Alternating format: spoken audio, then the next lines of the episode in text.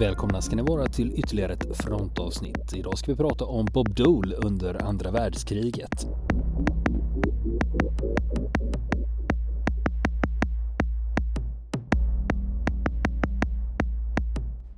Ja du Niklas, nu ska vi göra som vi brukar göra emellanåt här med att eh, leta upp gamla kändisar och se vad de hade för sig under andra världskriget. Just det, vem är det dags för nu?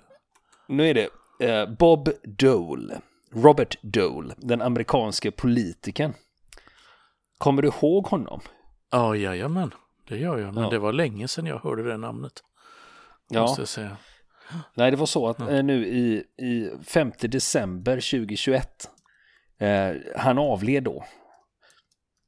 Så det är Just det, därför, just det var det. därför hans namn Mm. dök upp plötsligt i medierna. Att nu har den gamla republikanska politikern Bob Dole avlidit i USA. Mm. Eh, och eh, då så när det dök upp så var det också det här att det stod det ofta några rader om hans militärtjänstgöring i amerikanska medier då. Och då fattade jag direkt att ja, men här finns det ju något att berätta va. Och mycket riktigt. Det gjorde det ju. det blir ju så när man väl börjar rota va. Men det här Ja, var ju just det. intressant va. Eh, och vi svenskar, eh, som, vi har ju ofta hört talas om det här namnet, men vad är det jag har hört det? Vad är det jag har hört det? Jo, det var så att han var Republikanernas presidentkandidat 1996. Men då åkte han på stryk av Bill Clinton. Just det. Så det är ofta Ja. det man förknippar, det är ofta därför vi svenskar har hört talas om honom. Just det. Och, just men det. vi ska, ju- Han jag var kommer i att nyheterna nämna, minns jag, en hel del för. Han var ju ja, där. Mm. Jo, han var ju också efter de här, eh, sitt eh, försök där på presidentkandidaturen 96 så var han ju väldigt mycket i amerikanska medier och syntes och hördes Mm. väldigt mycket. Och så var med som expertkommentator och hade åsikter och uttalade Mm. sig om väldigt mycket olika saker. Just det. Men låt mig komma med en kvalificerad gissning att det kanske inte är riktigt det vi ska prata om. Nej, det handlar ju om en, en det handlar om någonting han har ägnat sig åt som har genererat en Bronze Star och två Purple Hearts. Ja, Eh, så då tror jag du fattar ja då vet vi vart Vart det här barkar. vart det barkar och det, det kommer att bli lite action så det, det behöver du inte vara orolig för utan det, det, var, det här var inte en pencil pusher på det viset utan Eh, det, det, det har hänt grejer va. Men jag tänkte vi, vi tar det här från början då. Han är ju från mellanvästern. Han är född i Kansas 1923. Och han kom från en arbetarklassfamilj. Och de här slätterna han växte upp och växte upp i en väldigt liten ort där ute. Och, men trots det så började han ändå studera och det gjorde han vid University of Kansas. Eh, 1941 när andra världskriget bryter ut då pluggar Bob Dole redan på Kansas University. Och det var så att eh, han var en duktig idrottsman, han var duktig på basket. Och det var det som hade lockat honom till universitetet när han hade fått se deras basketlag och fått träffa tränaren. Så insåg han att men det här, fan, tänk att få eh, vara med här. Va? Så att han var, han var en duktig idrottsman, atletisk, verkligen, även duktig på friidrott. Men så var det ju det här att, jag berättade ju att han hade kommit från arbetarklassfamilj. Och det var ju så här att hans familj hade inte stålar Eh, för att lösa det här. Va? Så att det han gjorde, han gick till lokala banken och lånade 300 dollar för att kunna betala den första terminsavgiften. Och när han väl börjat på universitetet då får han jobb som servitör på en utav eh, det är såna, ett sånt här frat house, ett fraternity house, det vill säga där det bor studenter som har en studentförening. Och hans lön då på en månad var 12 dollar och 50 cent och all mat han kunde äta. Och det tyckte han var en ganska bra deal för då behövde du inte lägga några pengar på mat överhuvudtaget. Och så var han mjölkbud också. Och när han väl har börjat plugga där, då är det eh, tyska, ekonomi och retorik. Eh, som man, eh, det är de tre ämnena han Tyska? läser på universitetet där. Så ja, passande. tyska ekonomi. Ja, precis. Visste han väl inte då när han började hösten 1941. Och eh, eh, han var ju duktig på idrott, så som freshman, det vill säga förstaårselev, så blev han antagen till fotbollslaget. Och det är inget eh, vanligt, utan det betyder att han har varit jävligt duktig för att komma med där. Och eh, sen bryter ju kriget ut till det allas förfäran i USA. Och 1942 börjar ticka på och han är ju i rätt ålder då för att få en inkallelseorder, men han får inte det. Och eh, utan veckorna bara tickar och nästan varje vecka, där i början på 1942, så har de en avskedsfest på universitetet för någon av hans kompisar som ska rycka in. Och eh, det tickar på, det tickar på och det händer ingenting. Och till och med hans lillebror har fått en inkallelseorder. Men då tänkte Bomb Dole anmäla sig frivilligt och inte vänta längre utan han tänker att ja, men om de inte tänker liksom jaga reda på mig så får väl jag söka upp dem. Och idén han hade då, det var att han skulle gå med i reserven. För då tänker han så här att ja, men om jag går med i reserven, då hinner jag avsluta andra året och sen kan jag gå med i Army Medical Corps. För då tänkte han, då hinner jag slutföra studierna. Och så hade han också en idé om att faktiskt bli läkare. Så att då tänkte han, jobbar jag i Army Medical Corps då, då kan ju det vara en merit då för mitt framtida läkaryrke. Och eh, Eh, när jag säger att veckorna tickar på och eh, när han faktiskt anmälde sig, det var inte förrän i december 1942 han gjorde det. Så det var alltså ett år efter, efter eh, Pearl Harbor. Men det var ju så att han var ju student på ett universitet så det är möjligt att han, han var undantagen på grund av det. Men vid det här laget i december 42, då är han 19 år. Och då tänkte man så här att ja, han är 19 år, han anmäler sig, det är december 1942. Och sen, när ska han rycka in då? Jo, det är inte förrän i juni 1943. Då har kriget hållit på i ett och ett halvt år redan för Amerikas del. Ja, då hade myndigheterna inte bråttom med honom. Nej, och, eh, och det är juni 43 första juni som han rycker in och då rycker han in till Fort Leavenworth och det är ju i Kansas, det är ju hans hemmaplan så att säga. Och eh, när han kommer in där, ja vad skulle de ha till honom då? Jo, han hade ju tänkt sig det där med Army Medical Corps. Och det är så att han har skrivit ett teoretiskt prov när han rycker in i armén. Och då får han ett bra resultat, så han har blivit utplockad till officersutbildningen.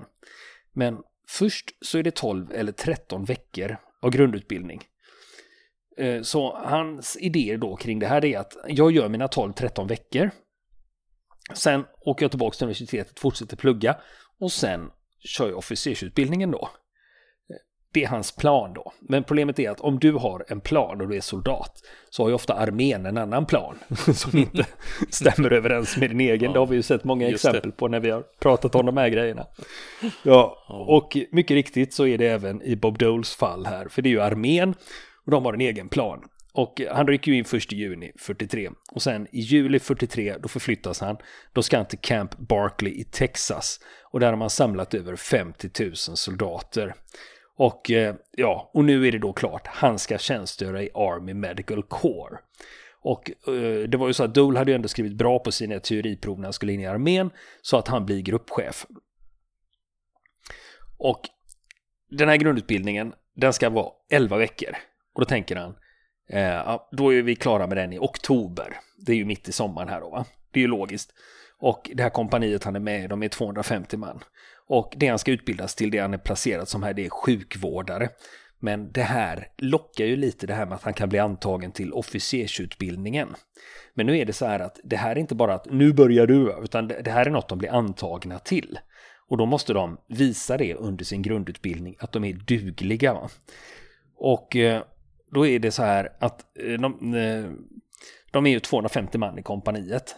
Av dem så är det fyra som kommer att bli antagna eller som kan bli antagna till officersprogrammet. Det är, de, det är taket liksom, max fyra. Och grundutbildningen drar igång och eh, ja, ni vet ju, ni har ju sett filmen, ni vet ju hur det går till. Och eh, skillnaden är, det här är sjukvårdsutbildning då, så det är inte pang-pang och sådana grejer, utan det är fokus på sjukvård. Och nu börjar Dole tveka lite när den här grundutbildningen har dragit igång. Han funderar på sina alternativ här. Hmm, hur ser framtiden ut här och vad skulle jag kunna välja? Och då tänker han så här, kan det vara idé att försöka komma tillbaka till universitetet efter grundutbildningen? För han tänker, jag är ju ändå i reserven. Eh, för då, men då betyder det, då, då blir jag tvungen att ditcha den här idén om officersutbildning. Eller ska jag satsa på officersutbildning? För den är ju fyra månader. Och då får man en examen som second lieutenant. Så han står och vacklar lite mellan hur han ska göra där. Och de skulle göra elva veckor. Och när halva grundutbildningen har gått, Då får de reda under en uppställning på att eh, ja, er grundutbildning har förlängts. Den är inte 11 veckor längre, den är 17. Jaha, då är det bara att fortsätta med det. Och sen kommer nyheten att vi har förlängt grundutbildningen ytterligare 21 veckor är det nu. Och vid det här laget så är Dole plutonchef också. Och det är ju inte dumt om man då tänkt sig en officersutbildning så är det ju en bra merit att vara plutonchef då under utbildningen. Och sen har vi ju det här med officersutbildningen då. Det fanns ju fyra möjliga, möjliga platser. Det var, man kunde som max ta ut fyra stycken ur kompaniet som kunde gå, komma till officersutbildningen. Men han är den enda i sitt kompani som klarar uttagningarna. Men det finns ett problem med det här.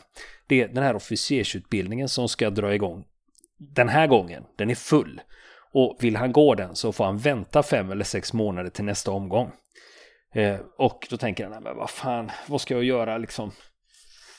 Ah, vi kanske ska lägga det där, slå det där ur hågen, det där med officersutbildningen, så istället så väljer han eh, något som heter specialistutbildning. Eh, så tänker han, ah, vi lägger ner det, det kanske inte var meningen att jag skulle bli officer överhuvudtaget. Och han ska då till Army Specialized Training Program. Och var läser man det någonstans? Det brukar alltid vara att man skickas runt till massa jävla baracker på amerikanska vischan. Det är det inte frågan om här, utan Army Specialized Training Program. Det ger man på Brooklyn College i New York. Och det han ska göra, han ska plugga engineering, alltså ingenjörsgrenen av Medical Core. Och det han ska börja med att plugga de ämnena det är engelska, algebra, trigonometri, kemi och historia. Och sen har vi det här också. Det händer ju en annan grej här va. För eh, Dole, han har ju växt upp i en liten håla i Kansas och nu plötsligt så är han i New York. Och det är ju som en kulturchock för honom. Han har växt upp i en liten håla med några hundra invånare och plötsligt så är han i världens metropol. Och det är mängder med språk han får höra, olika kulturer, så det blir en liten kulturchock. Men han trivs. Och det är ändå armén som håller i den här utbildningen. Så de här studierna de håller på med där på Brooklyn College, de är stenhårda. För en kurs som nor normalt skulle ta 18 veckor, den ska de klara av på 5. Och 20% av studenterna blir underkända och får sluta. De klarar inte av det. Men Dole, han har ju lite studiehuvud. Han klarar av det här bra. Han befordras från förste sergeant till kompanichef under utbildningen. Och sen händer det en annan grej. Bob Dole får lära sig simma. De har nämligen simundervisning. Och det är ju så här, han kommer från Kansas va? Det är, det är långt i havet. Det är långt i havet, det är fan mitt ute på slätten. Det finns ju ingenstans att simma där. Så att han får faktiskt lära sig det. Eh, så simkunskapen överlag i samhället eh, vid den här tiden var ju låg ändå. Och han håller på med den här utbildningen. Och han är klar med den i mars 1944. Ja, då vet du ju var vi ligger någonstans tidsmässigt under andra världskriget och vad man håller på att ladda upp för. Och det är ändå mars 1944 och då skickas han till Camp Polk i Louisiana. Och eh, jag sa ju det här, han pluggade ju för Army Medical Corps, det var ju liksom den vägen han kom in. Eh, det har ändrats nu, för nu tillhör han infanteriet. Det är ju, ja, någon militär logik har gjort att han har hamnat där i alla fall. Och han tillhör en pansarvärnsenhet. Och Eh, sen, de kom ju dit i mars 44 och i april förflyttas de till Camp Breckenridge, Kentucky. Och det är för sin pansarvärnsutbildning. Och då ska de vara där i 6 till 8 veckor. Och sen ska de till Camp McCoy i Michigan. Och det lustiga är, först när de ska till Kentucky då, det är en lustig grej. När, när Dole kommer till Breckenridge våren 1944 så är det så att han har aldrig skjutit med ett militärt vapen. Alla utbildningar han har gått hittills har inte haft vapen. Hans grundutbildning var ju sjukvårdare och de var inte beväpnade. Sen gick han ju på Brooklyn College, det fanns inga vapen där heller. Så han är den enda i kompaniet som aldrig har avlossat ett skott med ett militärt vapen. Eh, men det kan ju vara ett problem. nej, nej, det är ju så. Han har kommit, han är ju ändå från Kansas va. Så han, han, har, han har ju jagat lite och så, så han klarar sig bra ändå på de gamla meriterna då. Och nu är vi framme vid våren 1944 och då skvallras det ju om det här med invasion i Europa. Och eh, på Breckenridge, där eh, det var inte bara Bob Doles förband som låg där, där låg även, där hade även 83 infanteridivisionen legat.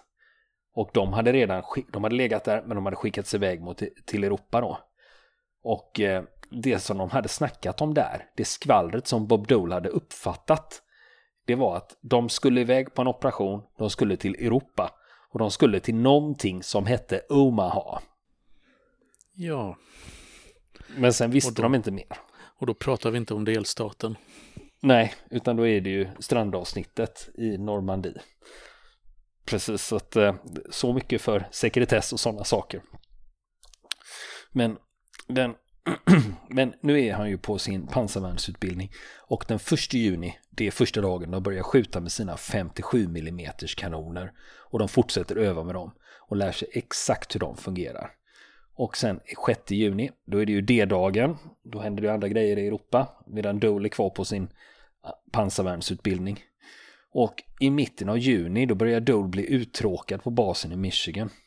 Och då hör han rykten om att det kan finnas lediga platser på officersutbildningen. Och han bestämmer sig för att försöka. Och då söker han infanterigrenen i första hand och Medical Administration som andra. Så då har han i alla fall fått in sin ansökan till officersutbildningen i hopp om att det skulle kunna finnas någon ledig, ledig position där. Och veckan därpå, då ägnar de hela veckan åt att skjuta 50 kalibers M2. Alltså de här klassiska amerikanska eh, tunga kulsprutorna. Sådana Mardius som de kallas. Och Dole berättar att det pep i öronen i flera timmar efter de här skjutövningarna. För det här, det här med hörselskydd och sånt, det var ju ingen stor grej på den tiden. Och sen i juli, då kommer beskedet. Han har blivit antagen till officersutbildningen och han ska till Fort Benning, Georgia. Och det är ju ganska legendarisk plats alltså, i militära sammanhang, får man ju säga. Och mycket riktigt, han hade ju sökt till infanterigrenen på officersutbildningen och det är också där han blir antagen, infanteriet. Och han anländer dit 18 juli 1944. Men eh, den här officersutbildningen han har kommit in på där, Fort Benning, Georgia, infanterigrenen. Det är ingen lätt utbildning. Hälften kuggas. Och som tur är, han har ju alltid hållit på med idrott, fotboll och kortdistanslöpning. Han var ju sprinter alltså när det gällde friidrotten då, och så basket då. Så han har, han har bra fysik. Ja. Det är till och med så att han har högst betyg när det gäller fysiken av alla i sitt kompani. Så bra skick är han i alltså. Och i mitten av augusti, då hör de nyheten om att ryssarna börjat bomba Berlin och att ryssarna rycker fram på östfronten och då tänker de så här hösten 44 att vad fan, nu kan det inte vara långt kvar. Kriget kanske hinner ta slut innan vi kommer dit. Och, eh, men den här officersutbildningen, den fortsätter.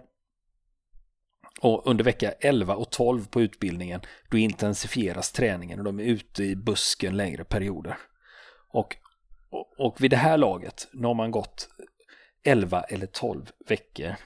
Av de 200 som startade utbildningen, så vid det här laget så är det bara 127 kvar. Och sen i oktober och november, då fortsätter man utbildningen i samma höga tempo. Och sen i november, då är utbildningen slut. Dole befordras till löjtnant och då har han utbildats i ett och ett halvt år av amerikanska armén. Och då är vi ju framme i november 1944 och då förstår han ju att han är en nybakad löjtnant som bara står och väntar på något att göra. Då förstår han ju att han kommer att bli skickad ut i kriget när som helst. Och mycket riktigt, 4 december 1944, då kommer beskedet. Och det som händer då är att de åker från Fort Benning i Georgia till Fort Meade i Maryland för att skeppas ut. Och eh, det var ju så att eh, Dole hade ju han är från Kansas. Han har aldrig varit på ett fartyg förut och han tycker det är lite spännande. Eh, och han, det här med vart de ska någonstans, det var de inte riktigt helt informerade om. Men han har i alla fall fått veta att de ska till Italien. Och han förstår att han ska avlösa officerare vid fronten. Så han räknas med att kastas in i hetluften med en gång.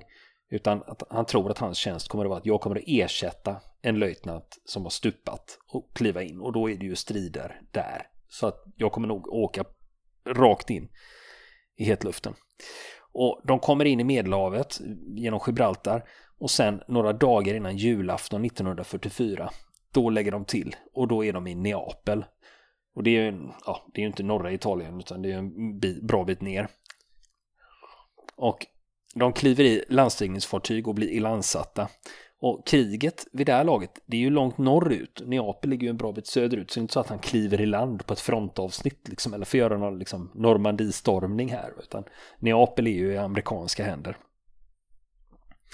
Och när han kommer in till Neapel, det är första gången som Bob Dole ser vad är det som har hänt när det har varit krig i en stad. Och han förfäras över hur mycket som är förstört och hur det här har påverkat civilbefolkningen. Och eh, de har ju klivit i land vid Neapel. Sen förflyttar de sig norrut längs med kusten och så förläggs de i Livorno. Och det är vid västkusten, det är ungefär i höjd med Florens. Och kriget har ju kommit ganska långt norrut i Italien vid det här laget. Och Dole han skickas till något som heter 24 ersättningsdepån. Det är inte i Livorno utan det är på vischan halvvägs mellan Rom och Florens. Och det är även där som Dole får fira jul 1944. Men i mellandagarna så hinner han också med ett besök i Florens. Och den här depån de är på, det han skriver själv i sin självbiografi, det är därifrån jag har fått majoriteten av de här uppgifterna. Han skriver att det är astråkigt på depån och de bara väntar på att få ett uppdrag eller att kriget ska ta slut. Och han är där ganska länge. För det dröjer ända till slutet av februari. Det är då som Doles namn ropas upp och säger att nu har du fått ett uppdrag. Och han hamnar i ett förband som han blir tilldelad här. Han hamnar i andra pluton i I-kompaniet i 10th Mountain Division. Och det är inte illa. För 10th Mountain Division, de har ett rykte om sig. Va? Att det är ingen skitenhet. Det som är spännande med dem det är att, eh, ja, eftersom det är en bergsenhet så att säga, så har de ju, många har alpin erfarenhet på ett eller annat sätt. Och många soldater har en bakgrund som elitidrottare. Och krigföring i berg är deras specialitet. Så de har väldigt hög status och ett väldigt, väldigt gott rykte. Och då tror jag väl också att eh, Bob Doles idrottsmeriter och hans fysiska meriter måste ju ha spelat in här att han överhuvudtaget kan platsa i det här förbandet. Och eh, han skriver i sin bok då att han ska bli skickad till Apenninerna. Men problemet med att säga Apenninerna, jag kollade upp det där, det är ganska intetsägande för Apenninerna, det är ju bergskedjan som går genom hela Italien. Ja. Ja, och det är liksom, jag ska till Apenninerna, jaha, ja det, ja, det säger inte så mycket. Mm. Det kan ju vara vad fan som helst då. Jo, men Apenninerna, det brukar man dela in i norra, centrala och södra delarna. Och det de ska upp till då, det är norra delarna av Apenninerna.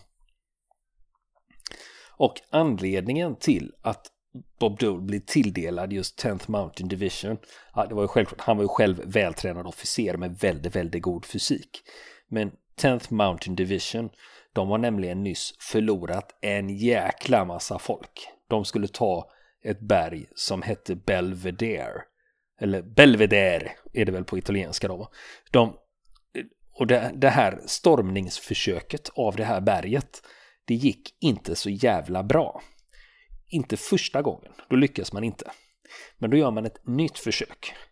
Och andra försöket, när man försöker ta berget från tyskarna, det misslyckas också. Men man vill ju väldigt, väldigt gärna ha det här berget. Så därför ger man sig på ett tredje anfall för att ta berget från tyskarna. Det misslyckas också. Det är först på fjärde försöket som amerikanerna lyckas ta berget och det med väldigt höga förlustsiffror. Så du har tre misslyckade anfall där man har blivit slagna tillbaka. Fjärde är lyckat men man har fruktansvärda förlustsiffror. Och den orten som, det är därför man behöver ersätta folk nu. Man måste ha in folk och då är Bob Dole en av dem som ska få ersätta en stupad plutonchef. Och han ska till en plats som heter Castel Diano och det ligger tre, tre och en halv mil sydväst om Bologna.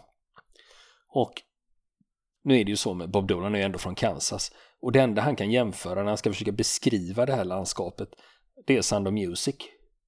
Men den filmen kom ju efter kriget så att det är ju inte så att eh, eh, han tänkte det då. Utan det är något han, Nej, det är något han det kan man, ju, sin... kan man ju förstå. Ja, han visste från Trapp hur kriget skulle sluta. Liksom. Precis. precis, jag ser framför mig bergen ja. och ängen. Ja, precis. Som en film. Ja, precis. Ja, men det var ungefär så han har kunnat beskriva det i efterhand då, för man ska få en bild av hur det ser ut då. Det här. Och den här eh, orten han kommit till, Castel Diano, det är en liten by med 4000 invånare och det är lugn jordbruksbygd i vanliga fall. Men just nu så går gotiska linjen här. Det är en försvarslinje som tyskarna dragit upp och den sträcker sig tvärs över Italien. Och det var amerikanerna som kallade den gotiska linjen. Tyskarna kallade den för gröna linjen. Och sen bakom den här gröna linjen så finns det ytterligare en försvarslinje som, som kallades för Genghis Khan-linjen. Och de här försvarslinjerna de sträcker sig över berg också. Och för amerikanerna, deras idé, det är att man ska erövra ett berg i taget. För det är så man kommer att vinna över tyskarna. Ett berg i taget, till slut så vinner vi. Och mindre än en och en halv kilometer norr om amerikanerna som befinner sig i Castel Diano. Där har tyskarna grävt ner sig på en bergstopp och den här berget, amerikanerna kallar det för berg 931. Ja, och vi har väl pratat om det, varför bergen har namn som siffror. Ja, det brukar ju vara ganska logiskt. Ja, för när du tittar på kartan så är det höjdkurvor och då står också skrivet med siffror hur högt berget är. Och är det 931 fot högt så står det 931 på det berget och då kallar man det för berg 931. Mm. Det har nog aldrig inträffat att det har funnits två lika höga berg jämte varandra. Ja. För då hade det blivit lite så, jobbigt. Ja, men sen eh, att jag sa att det var fot, det ska jag väl låta vara osagt. Jag vet faktiskt inte om de mätte i meter eh, på sina kartor under andra världskriget eller det fot. Det låter jag vara osagt, det får ni, får ni bestämma själva vad ni tycker verkar rimligt.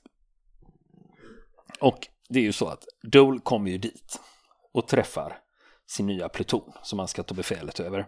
Och då hälsar han på alla soldater i plutonen. Han presenterar sig. Hej, jag heter löjtnant Dole och jag är nya plutonchef. Men männen, de visar honom väldigt lite eller inget intresse alls och det berodde på att de räknar med att han snart ska stupa ändå. Så varför ska man lägga tid på honom och liksom lära känna honom? Det är ju ingen idé. Innan Bob Dole kommer dit, då är det en sergeant, sergeant Karaffa. Han är den som har lett plutonen. Och det har han gjort sedan plutonchefen stupade på berget Belvedere. Och sergeant Karaffa, han är en stamanställd veteran. Och det är ju lite skillnad då, för där, dels har man ju den expressutbildade Dole och sen har vi den ärrade veteranen Karaffa. Men sergeant Karaffa, han sätter in Dole i situationen och hur plutonen arbetar. Okej, okay, säger Dole, vi fortsätter som du gjort hittills tills jag har lärt mig hur det fungerar här. Och då blir Karaffa förvånad för han trodde inte, han hade aldrig hört en plutonchef säga en sån sak. Utan han trodde bara att ja, nu, är jag, nu är jag ny chef, nu bestämmer jag och nu är det det här som gäller. Utan han blev väldigt förvånad över att Dole faktiskt ville lära sig. Han hade inte varit med om det förut. Men det är ju fortfarande så här att eh, 10th Mountain Division, de har fortfarande åkt på väldigt mycket stryk efter eh, Belvedere. Så att de väntar fortfarande på ersättningsmanskap och material. Så det är ganska, det är ganska lugna veckor för dem just nu. Nu håller de på att försöka bygga upp sig igen då. En av Doles uppdrag här, det är att leda nattpatruller. De vet att nu kommer våren och snön smälter i bergen och det kommer att innebära mer aktivitet. Eh, men det, den aktiviteten som försiggår för det mesta, det är artilleri från tyskarnas sida. Och nu är det 18 mars och de är ute på nattpatrull. Då utsätts de för eld från tyskarna. Och Dole, han såras vid det här tillfället. Han får ett splitter från en handgranat i benet. Och då undrar man ju var kommer det här splittret ifrån? Det som har hänt det är att han vet inte, det kan vara den granaten jag har kastat eller också var det någon annan i plutonen. Det är flera som skadas av handgranatsplitter och de tror att det är från sina egna handgranater. De har inte lyckats särskilt bra med sina handgranatskast. Men hur som helst, för Bob Doles del så inte det någon större fara med att man plockar ut det här splittret, han lappas ihop och så återgår han i tjänst och så får han en Purple Heart. Och det är hans första Purple Heart då. Och varje dag utsätts de för artilleri av tyskarna. För det finns en desperation bland tyskarna här. Va? För de vill absolut inte bli överkörda här. Va? För om den här försvarslinjen faller, då är det nästan fritt fram till floden Po och slätten.